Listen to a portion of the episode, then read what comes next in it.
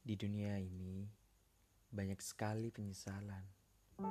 Tapi jangan sampai kalian gak punya semangat hidup lagi ya karena hal itu. Jadikan penyesalan sebagai evaluasi diri agar menjadi pribadi yang lebih baik lagi. Ngomong-ngomong tentang penyesalan, apa perbuatan yang kalian sesali sampai detik ini? Kalau aku sendiri, menyesal karena melepas orang yang aku sayang karena ego. Alasan yang sepele memang, tapi mau bagaimana lagi? Udah gak bisa mengulang semuanya. Awalnya, aku sendiri pun merasa bersalah banget sampai pada akhirnya memutuskan untuk ke gunung, mencari jati diri dan hikmah di balik ini semua. Dan ya, aku mendapatkan semua jawabannya.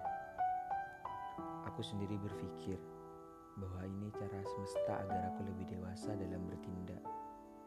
Mungkin juga yang kalian sesali saat ini adalah cara semesta membuat kalian lebih dewasa dalam melakukan apa pun. Berpikir positif saja. Jika kalian belum bisa move on juga dari penyesalan, coba berdamai dengan diri sendiri.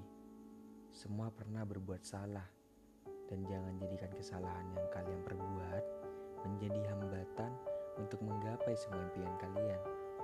Tetap semangat ya.